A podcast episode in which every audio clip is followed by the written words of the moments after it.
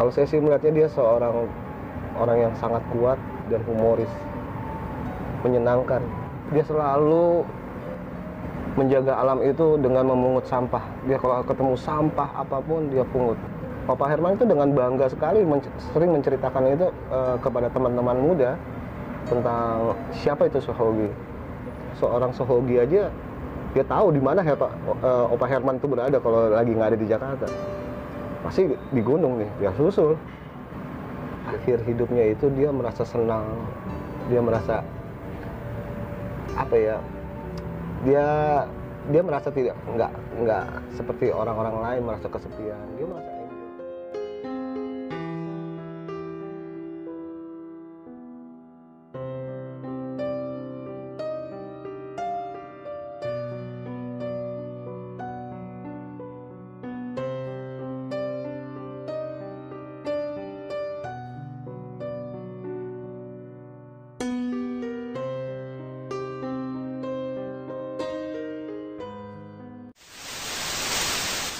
Assalamualaikum warahmatullahi wabarakatuh. Balik lagi bersama gue Indra di Besok Pagi Channel. Kali ini gue berada di salah satu tempat Yaitu Kampung Galeri Tepatnya di depan stasiun Kebayoran Lama.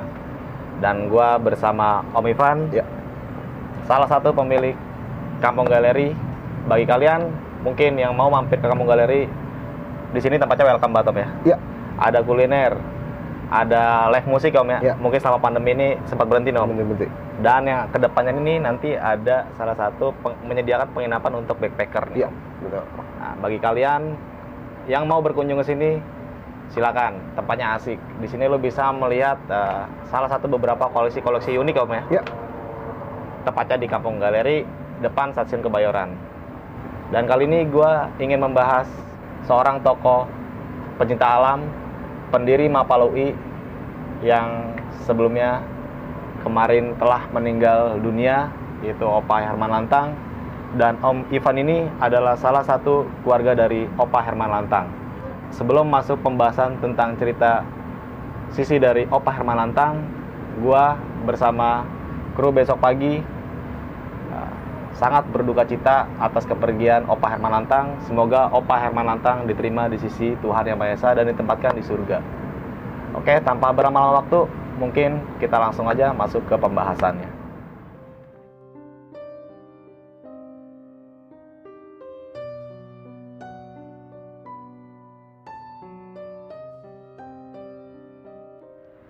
saya dengan Opa Herman, Kak. aku ma- masih sebenarnya dia om saya, cuman eh, karena dia sudah usia lanjut, kita masih ada yang memanggilnya Opa ya, Ah. sepuh. Uh, Jadi hubungan saya dengan Opa Herman itu saya sebagai ponakannya sebenarnya. Masih family dekat.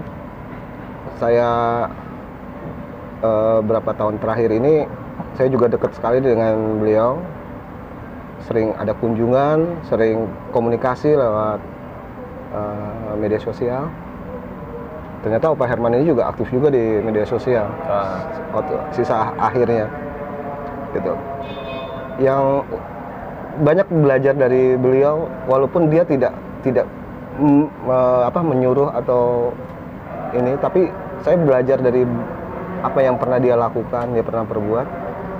Dan ada satu eh, bukan perintah sebenarnya ajaran-ajaran yang dia berikan kepada saya secara pribadi itu ternyata saya lakukan sampai sekarang itu ternyata keren banget keren kena banget gitu buat saya.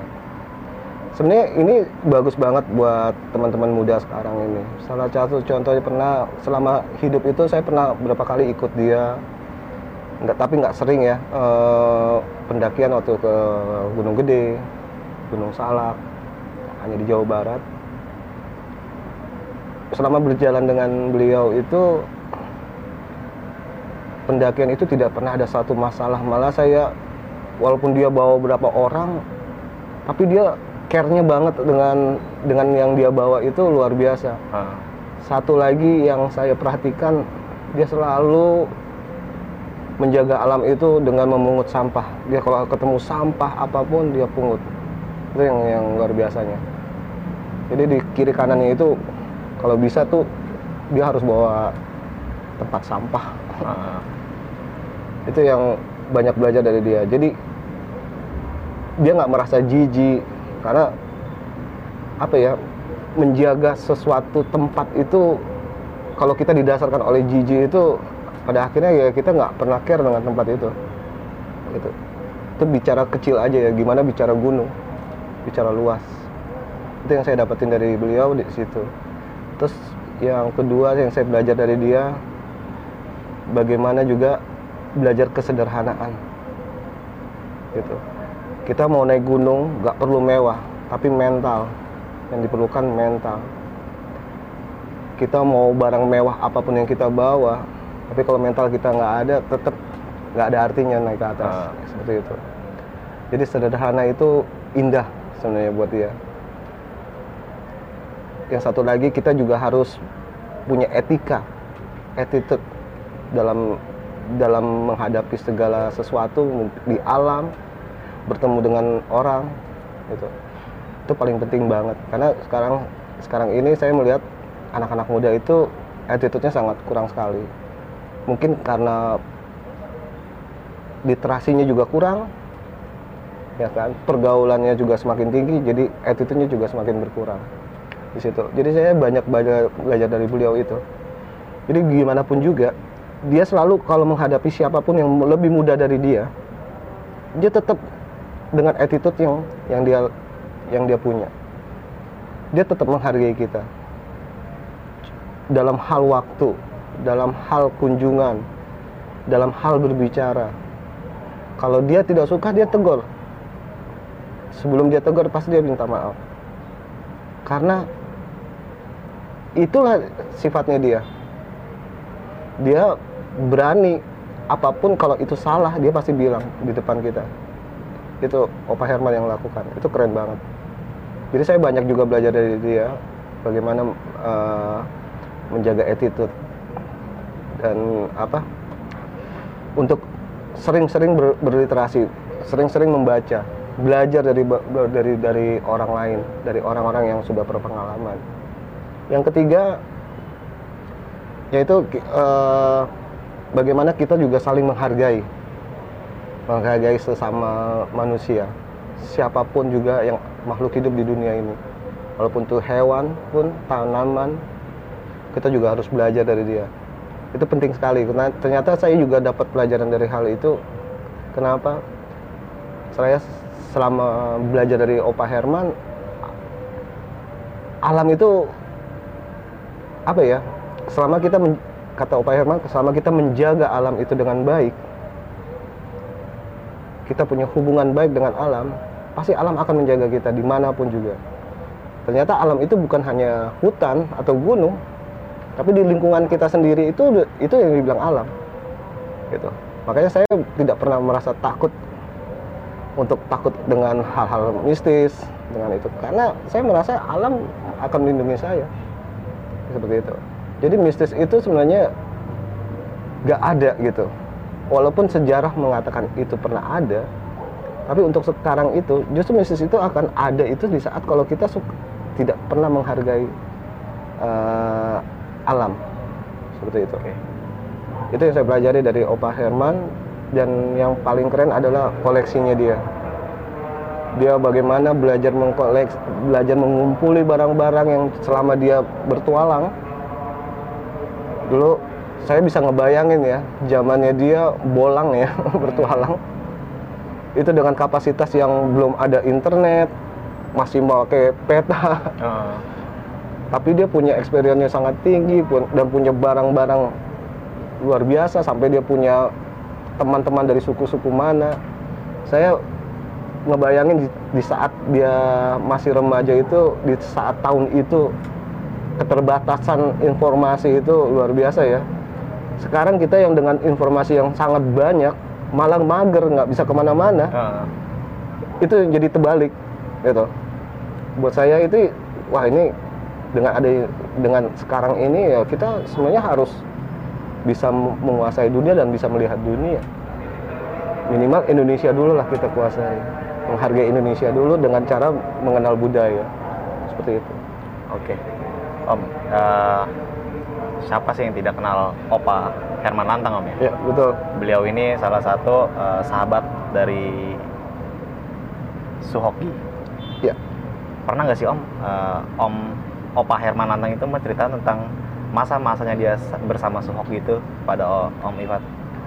Wah, dia sering ya, bukan hanya kepada saya aja, beberapa teman-teman yang ingin mengetahui tentang uh, Sohogi yang belum pernah merasakan di saat zaman Sohogi. Karena Sohogi ini walaupun dia sudah punya nama dan dia salah satu penggerak mahasiswa ya di saat itu dan ternyata dia sahabat dekatnya Opa Herman. Opa Herman itu dengan bangga sekali menc- sering menceritakan itu eh, kepada teman-teman muda tentang siapa itu Sohogi. Saya ada beberapa pernah Opa Herman ngomong secara pribadi dengan saya tentang tentang Sohogi itu. Dia seorang pemberani ya. Di usia mu- sangat muda itu sangat berani banget. Dia juga Opa Herman juga sampai mengatakan ya lu belajar dari mana sampai lu punya keberanian seperti itu gitu tapi di saat itu Sohogi itu tem- karena temennya dia sangat banyak teman untuk curhat itu ya salah satunya Opa Herman ini. Dulu curhat itu beda dengan curhat yang sekarang. Kita bisa ketemu langsung komunikasi lewat handphone. Dulu surat menyurat. Untuk ketemu itu juga obrolan yang hangat itu Opa Herman tuh selalu ngajak ke atas naik gunung. Itu terjadilah obrolan-obrolan hangat di situ. Di situlah banyak cerita-cerita menarik tentang Sohogi. Dari kisah percintaannya bagaimana dia membuat surat eh, membuat apa? Eh, membuat Puisi. puisi membuat suatu apa namanya cerita tentang perjuangannya dia bagaimana dia menentang pemerintah secara politik. Ternyata luar biasa ya Sohogi ini ya dari versinya Opa Herman Lantang itu. Jadi ada dua yang saya pelajari selama hidup ini juga dari dari pengalamannya Sohogi dan pengalamannya Opa Herman dan teman-teman juga yang dari Mapala UI juga luar biasa juga. Ternyata Opa Herman ini sangat bangga sekali dengan Mapala UI dengan Sohoginya ini. Karena melihat sekarang ini apa yang dilakukan oleh Sohogi dahulu berbeda sekali gitu. Karena perjuangan Sohogi di saat itu adalah perjuangan otentik, perjuangan yang tidak dibuat-buat perjuangan yang tidak ada settingan. Perjuangan yang tulus. Jadi akhirnya di situlah pertama kalinya pemberontakan mahasiswa terhadap pemerintah. Kekuatan mahasiswa di saat bisa didengar oleh rakyat bisa didengar oleh pemerintah. Di mana di saat itu Sohogi bisa mengumpulkan massa sebesar-besarnya dengan apa yang dia deklarasikan itu luar biasa. Be- beda dengan sekarang dengan settingan lah dengan penuh intrik segala macam dan dimasukin oleh disusupi oleh politik. Jadi berbeda jauh jauh sekali dengan apa yang dilakukan sekarang dengan yang dahulu. Itu Opa Herman pernah sesali hal itu. Tapi ya itulah namanya ya suatu perjuangan lambat laun pasti ada perubahan pasti ada disusupi tapi kita bisa melihat bisa belajar lah dari dari apa yang pernah dilakukan oleh almarhum Sohogi dan alma- almarhum Opa Herman. Ada nggak sih Om eh, gunung-gunung favorit dari Opa Herman Lentang? Opa Herman Nantang itu kalau mau dibilang ya dia udah berapa kali naik gunung di Pulau Jawa ya kan itu istilahnya udah hampir sering lah ya. Sampai yang saya nggak nggak bis- nggak bisa ngebayangin itu waktu di saat perjuangan dia untuk naik Kartens ya. Gunung Kartens Jaya Wijaya sana. Jadi yang pertama kali yang saya tahu itu pertama kali naik Gunung Kartens itu adalah orang Austria ya kalau nggak salah. Eh, puncak Kartens. Makanya sampai dibilang tujuh summit. Seven summit. Siapa namanya? jadi gunung tertinggi yang pernah didaki oleh orang Australia itu orang Indonesia ternyata yang pertama itu adalah Opa Herman naik Kartens sampai dia bikin jalur baru ya jalur baru. Yang dulu dia kalau orang istri itu begini memakan waktu yang cukup lama Pak Herman ambil tengah. Potong jalur lah potong jalur. Pernah dia cerita sedikit dulu perjuangan dia untuk naik karton itu dia harus bertemu dengan suku asli di sana yang ada di sekeliling kota di apa di Gunung Karten gitu itu suku Dani dia cerita bagaimana untuk bisa naik Karten itu ya dia harus apa ya harus berkomunikasi dulu dengan suku Dani dan ternyata dia diterima oleh suku Dani dan akhirnya dia tinggal beranikan diri balik lagi ke Jakarta dia balik ke suku Dani untuk menetap selama dua tahun di di sana suku Om. Dani. Mungkin salah satunya orang Indonesia yang pernah bertahan lama di suku Dani ya salah satunya Pak Herman belum pernah dengar lagi sih ada yang bisa hidup dengan suku Dani Sampai sampai selama ya, itu. Tapi masuk ke suku Dani itu sekarang ini kan kita bisa masuk ya dengan Ah. suku Dani. Banyak orang bule juga ke sana gitu dengan suku Dani. Karena suku Dani ini adalah suku yang paling tua mungkin ya salah satunya yang ada di Papua ya di Pulau Papua. Eh, dan budaya budaya suku Papua itu ya paling menarik ya eksotis suku Dani gitu. Tapi ya itu yang saya mungkin Opa Herman kalau ada ke, kalau dia masih sanggup mungkin dia pingin lagi naik Kartens dia pernah cerita seperti itu sih karena mungkin dia Kartens ini salah satu gunung yang terbesar dan tertinggi di Indonesia. Gitu. Yang ada puncak saljunya ya yang ada puncak saljunya. Kenapa harus membanggakan lu harus naik ke gunung lain? Ternyata di Indonesia itu banyak gunung yang indah dan bagus. Dan bisa dibilang salah satu yang gunung tertinggi di dunia ya kenapa lu nggak nguasai Nah, gitu. Sementara banyak mungkin pendaki-pendaki sekarang ini dengan bangganya gue sudah naik ke gunung yang di luar negeri dua ini sedangkan Indonesia sangat banyak sekali om ya. sangat banyak sekali dan sangat menarik. Malah orang bule pun berbondong-bondong untuk bisa naik ke gunung Indonesia. Gitu. Karena banyak kultur yang di dalam situ. Jadi bukan sekedar hanya naik gunung aja tapi ada kultur gitu di situ. Ada beberapa banyak ragam. Contohnya kalau kita naik Bromo ada beberapa suku ada beberapa ciri khas yang tradisi yang ada di sana ya kan ada hari-hari tertentu tertentu yang misalnya ada perayaan di Gunung Bromo. Di gunung lain belum belum ada seperti itu. Ya kan di situlah keunikannya.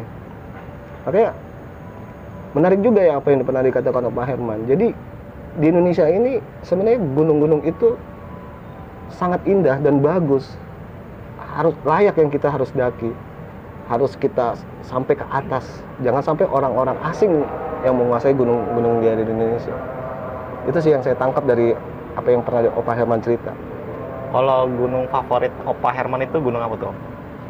Gunung favorit kalau di saat zaman dulu mungkin ya kalau kalau saya dengar dari cerita Pak Herman ya karena transportasi dan kedekatannya antara Jakarta dengan beberapa daerah gunung yang ada di sekitar dekat Jakarta itu ya paling Gunung Gede dan Salak. Jadi dulu Opa Herman pernah bikin base camp juga di Gunung Gede. Gunung Gede ya untuk ke Pangrangonya sampai ke Gunung Gedenya. Jadi mungkin Opa Herman dulu paling seneng sering ke Gunung Gede. Di gunung favoritnya sih gitu tapi yang dia pingin lagi ya sebenarnya Kartens Kartens. Untuk main mencoba lagi lah Mencoba Kartens lagi. Ya. itu, itu. Nah, kita balik lagi nih Om Ah, tentang kedekatannya Opa Herman Nantang bersama Suhoki oke saat pendakian gunungnya itu. Ada nggak sih Om ah, Opa Herman pernah menceritakan ah, kedekatannya Opa Herman bersama Suhoki itu, terutama di pendakian gunung ya? sebenarnya Opa Herman itu ada ya sedikit cerita cuman dia nggak kurang terbuka juga masalah Sohogi dia agak sulit untuk mau ber- bercerita karena ada kesedihan yang mendalam ya. Karena dia seorang sahabat dekatnya dia tuh gimana ya? Dia kalau dia kalau terakhir-terakhir ini kalau dia cerita tuh suka agak sedikit nangis. Kadang-kadang dia suka nggak mau buat cerita. Karena ada kayak luka yang mendalam sekali dia kehilangan sahabat dekatnya Sohogi itu. Eh, jadi di saat itu di mana kalau Opa Herman misalnya melihat di Jakarta itu lagi penuh intrik-intrik politik dia melarikan diri ya ke gunung. Gitu. Kadang-kadang ngajak temennya. Sampai so- sosok seorang Sohogi aja dia tahu di mana Herpa, eh, Opa Herman itu berada kalau lagi nggak ada di Jakarta. Pasti di gunung nih dia susul. Gitu. Oh sering terjadi momen kayak gitu. Sering, mungkin mungkin sering terjadi seperti itu. Jadi saking saking dekatnya dengan beliau ya hanya Sohogi aja mungkin yang tahu kalau di mana Opa Herman tuh kalau lagi nggak ada di Jakarta. Berarti lagi di gunung. di gunung pasti gitu. Disusul tuh om ya. disusul di situ. Kadang-kadang kalau mau curhat ya mungkin naik ke gunung gitu atau bercerita Salah satu gunung favoritnya itu adalah Gunung Gede Gunung Gede, Pangrango ya. Pangrango, gitu. Ada cerita lah di situ banyak cerita tentang Pangrango itu dan Gunung Gedenya apalagi ada apa namanya Mandalawangi di situ kan ya. Puncak Mandalawangi ya di situ ada cerita tentang Sohogi di situ jadi banyak sekali ya cerita-cerita menarik yang apa memang saya, kurang. Dulu karena dia banyak cerita tapi yang menariknya adalah bagaimana kedekatan Sohogi dengan Opa Herman ini yang namanya pertemanan itu nggak seperti kayak sekarang ya. Pertemanan itu udah seperti mendarah daging gitu. Jadi salah satu yang hilang itu kayak nggak percaya gitu itu yang diceritakan Opa Herman. Dia masih masih mendambakan banget Sohogi itu mungkin anak-anak muda sekarang ini banyak yang nggak mengenal juga Sohogi tapi buat saya wajib lah. Sekarang ini kita menyiarkan eh, apa ya menceritakan kembali tentang perjuangannya Sohogi perjuangannya Opa Herman ya kan? Nanti apa ya bagaimana untuk menghargai alam? Bagaimana em, membuat kenyamanan dalam kesederhanaan? Bagaimana kita berliterasi melihat budaya dengan cara berliterasi? Itu sangat luas sekali gitu. Jadi nanti kita bisa baca autobiografi dari kedua tokoh ini ya. Saya udah nganggap tokoh lah karena beliau udah wafat. Seperti itu Ada nggak sih om eh, pesan dari Opa Herman itu buat para khususnya Om Ipan nih pernah dititipkan pesan nggak untuk para generasi-generasi muda itu dari Opa Herman itu? sebenarnya Opa Herman tuh nggak ada pesan khusus ya buat ke saya ya karena semasa akhir hidupnya itu dia merasa senang dia merasa apa ya dia dia merasa tidak nggak nggak seperti orang-orang lain merasa kesepian. Dia merasa enjoy. Apa yang pernah dia lakukan sekarang semua semuanya sudah terrealisasi sudah terwujud. Mimpi-mimpinya dia yang untuk ke depannya dia melihat sudah terlaksana sudah jadi. Saya melihat seperti itu sih. Emang saya jujur sangat kehilangan beliau. Karena tiga bulan terakhir saya masih ada komunikasi dengan beliau. Masih ada ada permintaan dari beliau ya. Permintaan kayak minta dia beliin kue kue khusus ya. Tapi itu kue itu emang kue kue dari dari zaman Belanda. Hmm. ada dulu makanan uh, kue Belanda itu dari uh, jadi sekarang ini agak sulit nyarinya. Jadi harus dibuat khusus gitu terus pernah dia menitipkan salah satu buku ya buku-bukunya dia. Pernah tidak terawat ada beberapa buku yang hampir hilang dan tidak terawat. Dia dititipkan ke saya tolong dijagain piringan hitamnya kasetnya. Tapi buat saya saya nggak wajib gitu saya nggak berhak gitu walaupun dititipkan seperti itu. Karena saya merasa ini perjuangannya dia loh saya ngelihatnya aja sampai nggak berani untuk aduh keren-keren banget gitu. Ini koleksi yang nggak bakalan gue sanggup untuk untuk untuk gue koleksi tuh sulit banget. Menjaganya aja tuh sulit gitu. Tapi keren sih. Koleksinya dia tuh apa ya emang dia dulu seneng lagu ya. Lagu apa aja dia tahu gitu. Dan semuanya dia punya dari Everly Brothers Tom Jones Beatles. Dia tahu semua ya lagu-lagu itu. Sampai dia punya kasetnya piringan hitamnya bukunya. Gua aja yang masih muda yang punya pergerakan yang luas gua belum tentu bisa punya barang seperti itu. Tapi Opa Herman mempunyai semua itu Om ya. yang uniknya bukan hanya mempunyai bisa menjaga dan bisa merawat. Sampai saat ini. sampai saat ini. Itu yang hebatnya tinggal bagaimana meneruskannya lagi. Itu yang luar biasa. Sekarang permasalahannya kita bangga mungkin kita punya tapi belum tentu kita bisa bangga bisa ngerawat bisa ngejaganya. Ada kemungkinan kita terelap nggak punya uang kita jual Hmm. ya kan? Atau hilang. Itu yang sulit. Karena emang memang yang sulit itu menjaga. Menjaga. Itu yang sulitnya di situ. Dan Opa Herman sudah membuktikan kalau dia mas sampai setua itu dia masih bisa menjaga dan masih ingat yang luar biasanya di situ. Banyak jadi tiga bulan terakhir itu ya saya pernah ngobrol juga dengan beliau pernah ngobrol empat mata di kamarnya waktu itu saat itu. Saya minta tangan buku ya salah satu ada buku apa judulnya tentang tentang perjuangan pendakian ya. Dia mau tanda tangan. Buat saya tuh dia mau tanda tangan aja tuh luar biasa ya. Sampai satu hari pas saya minta tanda tangan saya karena pakai jaket dia bilang sini aku tanda tangan nih jaket kamu. Di jaket saya di tanda tangan. Tanda tangannya dia sampai ditulis eh, keanggotaannya dia di Mapala nomor berapa? Nomor 16 M16 keanggotaannya. Kenapa dia anggotanya 16 karena waktu itu dia pendiri Mapala dan dia juga se- sebagai eh, ketua senat. Jadi dia tidak punya nomor anggota Mapala. Malah dia ngelantik anggota Mapala. Dari nomor 1 sampai nomor 16 sampai seterusnya dia ngelantik. Akhirnya dia bertanya gua ngediriin tapi kok gua nggak punya anggota Mapala. Karena dia karena dia masih anggota senat. Akhirnya diberikan dia anggota nomor 16 Oh, seperti itu ya. iya ya.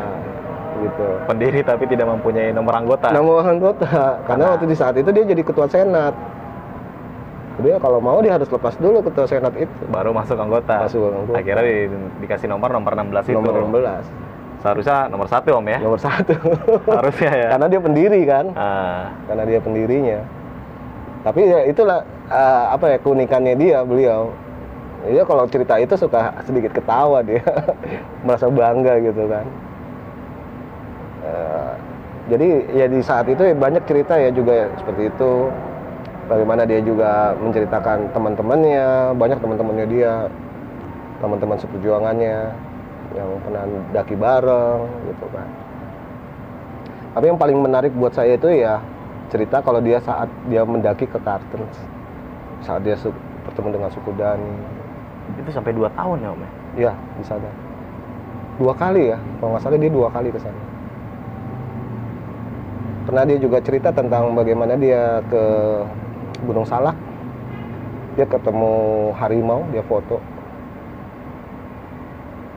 Harimau dari jauh dia melihat. Harimau Jawa. Hmm. itu sampai dia punya fotonya ya. Sampai sekarang masih tuh. masih ada fotonya saya pernah lihat fotonya dia dia pernah foto harimau itu. Dia lagi berteduh di bawah goa ada pipa besar di zaman Belanda. Pipa gas dia ketemu. Nah itu cerita-cerita yang kayak gitu. Mungkin jarang dia ceritakan kepada orang lain. Ada juga dia cerita tentang tanaman yang wajib dimakan kalau di saat kalau tidak ada makanan di Gunung Salak. Saya lupa namanya apa aja. Jadi dia bisa tahu nih mana yang bisa dimakan itu menarik sekali. Itu Pak Herman itu. Ah, Om, ini eh, Opa Herman itu kalau di keluarga itu seperti apa Om? humoris ya. Humoris seneng ngobrol. Ya kan kalau saya sih melihatnya dia seorang orang yang sangat kuat dan humoris. Menyenangkan ya kan? Dia tidak gila hormat. Dia apa ya sama yang muda ju- juga sangat hormat respect ya. Terus dia tidak tidak membedakan mana yang apa ya segala golongan ya dia nggak membedakan itu. Siapa pun dia respect.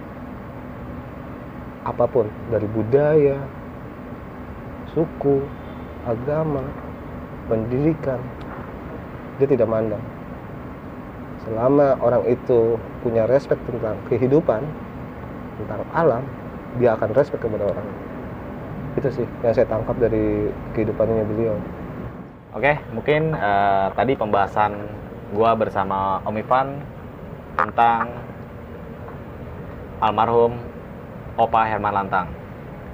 Tadi sempat diceritakan oleh Om Irfan itu Herman Lantang. Opa Herman Lantang itu seperti apa dalam kehidupan sehari-hari, mendaki gunung, tentang kedekatannya bersama Suhoki dan sisi kehidupan di dalam keluarga Opa Herman Lantang itu seperti apa. Nah, Om Ivan, uh, Om Ivan ini masih sering naik gunung nggak? udah nggak lagi ya saya terakhir tahun berapa ya udah hampir hampir 15 tahun ya saya nggak naik gunung lagi. Selebihnya saya backpacker. Backpacker. Sekarang masih menjalani backpacker Om? masih sih cuman nggak se- seintens dulu saya belum merit ya. Uh, sekarang keterbatasan karena punya usaha di sini kampung galeri punya keluarga dan punya komunitas di sini. Tapi saya masih sempat sempat mencuri lah ya. Mencuri untuk keluar dari dari tem- dari apa ya dari hiruk pikuknya di Jakarta, Jakarta. Nah, ya terakhir mendaki gunung itu tahun berapa Om? saya lupa tahun berapa ya waktu itu kegede, kegede ya waktu itu saya tahun 2006 kalau nggak salah 2006. 2006 Lumayan cukup lama Om ya? cukup lama jadi mau nggak tahu perubahannya sekarang seperti apa Ah. tapi buat saya eh, sangat menarik sih naik gunung cuman yang sekarang saya karena saya sering keliling bolang ya istilahnya kalau anak sekarang bilang solo backpacker atau dengan beberapa teman itu unik sekali. Karena apa? Saya dapat beberapa teman di sana teman-teman baru ya kan? Terus dapat kulinernya budayanya ya kan? Ternyata perkembangan budaya itu dan Indonesia itu sangat banyak luas sekali budaya banyak sekali ya dan situ juga saya diaj- mengajarkan juga kepada diri saya itu mental bagaimana menghadap- menghadapi apa suasana baru tempat baru dengan mental dengan mental orang Jakarta ya Uh, ternyata menarik sih unik sih gitu dan sampai sekarang masih menjalani nih Om ya? masih menjalani gitu masih Nah. menjalani Om, Om Ivan ini uh, punya pesan-pesan nggak sih buat para pendaki gunung nih, khususnya para pendaki gunung yang muda-muda sekarang ini? Nah, hampir sama sih sebenarnya kayak opa, kata Opa Herman. Sekarang ini orang naik gunung itu hanya sebatas kesenangan naik gunung. Tapi di situ mereka tidak tahu apa artinya menghargai alam. Jadi kalau naik gunung itu adalah kita juga ikut menghargai alam melestarikan alam. Gitu, tanpa merusak alam. Gitu. Banyak anak-anak muda sekarang itu waduh. Mereka kalau misalnya apa ya naik gunung itu kalau nggak barang yang bermerek nggak akan naik gunung. Hmm, eksistensi lagi bicaranya ya. Benar benar. mereka kalau naik gunung kalau nggak sampai di summit nggak foto kayaknya Belum naik gunung. belum naik gunung. Nah, tapi kalau di saat dulu orang naik gunung itu kalau pasang bendera merah putih atau bendera organisasinya itu udah keren banget. Udah sampai di summit. Itu dia sudah pak tancapkan bendera merah putih. Tapi kalau sekarang kan udah sampai di summit foto foto. Dan banyak juga uh, sampah-sampah yang ditinggalkan ini. ditinggalkan. Ini ya, itu juga sudah merusak. Merusak banget gitu, ya. merusak banget. Jadi saya saran saya ayolah berubah. Jagalah alam. Bukan hanya di gunung tapi juga di lingkungan kita juga. Karena sekitar kita pun ini pun juga alam, ya, Om, ya. alam betul. Jadi jangan selalu membanggakan ya. Gue jaga alam kok tapi hanya di batas gunung. Tapi di lingkungannya di dekat sekitar kita aja nggak pernah mau jaga. Seperti itu. Oke. Buat teman-teman, Om Ivan ini salah satu eh, pemilik dari Kampung Galeri. Mungkin Om Ivan bisa menjelaskan nih Kampung Galeri itu seperti apa, Om? kampung galeri ini yang saya bangun itu adalah suatu hobi ya di mana saya punya hobi saya punya keinginan dulu apa yang saya dulu suka dan ada sedikit dendam ya Hmm. dendam dulu saya masih muda masih kecil saya nggak pernah punya barang ini hanya cuma melihat dan mendengar tapi tidak punya barang. Akhirnya saya dendam dengan selama saya punya uang saya sama bekerja ya situlah saya mulai mencari barang-barang yang dulu pernah saya punya memori zaman dulu ya. Wah ini ketemu nih barang yang dulu pingin punya gitu. Ah. udah saya cari. Saya cari terus. Rutin itu dari apa aja? Dari buku kaset piringan hitam patung apa pun poster pun juga gitu. Jadi akhirnya itu jalan malam jadi hobi. Akhirnya terbentuklah kampung galeri itu dari hobi. Awalnya sih waktu saya bikin kampung galeri itu banyak banyak lah teman-teman saudara ya agak aneh gitu saya bikin konsep seperti itu. Karena saya bikin konsep sangat sederhana. Jadi konsep liar yang saya punya ya saya bangun seperti itu. Jadi ternyata kesederhanaan itu saya belajar dari Opa Herman juga balik lagi ke beliau. Jadi sederhana, sederhana itu indah. Justru yang mewah itu adalah siapa yang melihat dan berkunjung. Itu yang mewah. Gitu. Bukan tempat yang mewah tapi nggak ada orang yang datang berkunjung. Lebih baik tempat sederhana, tapi banyak yang berkunjung. iya itulah kemewahannya. Ada silaturah silaturahminya terjaga ya kan pertemanannya semakin banyak semakin luas komunikasi semakin intens literasinya juga terbentuk. Di situlah kita bisa buka wawasan lebih baik lagi. Ah, seperti itu. Jadi ya waktu itu kampung galeri terberdiri penuh perjuangan ya saya? Berdiri waktu itu masih separuh nggak terlalu besar. Saya melihat problem yang ada sekarang di saat itu apa yang dibutuhkan ternyata di saat itu yang saya saya dirikan itu kekurangannya ada di literasi. Literasi untuk menulis literasi budaya literasi komunikasi. Ternyata semakin teknologi semakin tinggi literasi itu ber- semakin ditinggalkan. Gitu. jadi saya eh, kayak seperti ada tantangan ya. Tantangan ah udahlah saya bangun literasi. Semuanya ada di sini. Ternyata respeknya anak-anak muda cukup bagus datang kemari. Gitu. mereka berbondong-bondong untuk ingin tahu barang-barang zaman dulu seperti apa. Mereka bisa bercerita bisa membeli bisa memiliki ya kan? Tuh. akhirnya saya bentuklah namanya kampung galeri Di Kampung Galeri ini pun juga ada kuliner juga, Om ya. ada kulinernya. Jadi saya melengkapi untuk memberi warna kampung galeri ini. Ya saya ada kulinernya yang bisa banyak macam kuliner. Ada kopi baristanya ada perpustakaannya. Waktu sebelum covid kita bisa jamming di sini. Bisa bikin acara tent- tentang literasi seperti eh, zin ya kan? Eh, terus apa lagi? Rilis jin. Terus eh, apa Penggalangan dana? Penggalangan dana juga ada untuk untuk waktu itu pernah untuk acara lombok ya. Terus eh, ada beberapa mahasiswa yang punya punya apa talent talenta yang untuk bernyanyi bermusik. Saya sediakan ruang untuk mereka untuk mengekspresikan di sini, Om. mengekspresikan di sini. Jadi buat saya ini terbuka buat eh, siapa aja Baik muda, baik muda baik yang tua yang mau berliterasi dan mau eh, membuka wawasan tentang budaya Indonesia Oke. Nah di kampung galeri ini pun Om Ivan menyediakan untuk penginapan backpacker Om ya? Rencananya ke depannya Rencananya. itu. Rencananya ke depannya.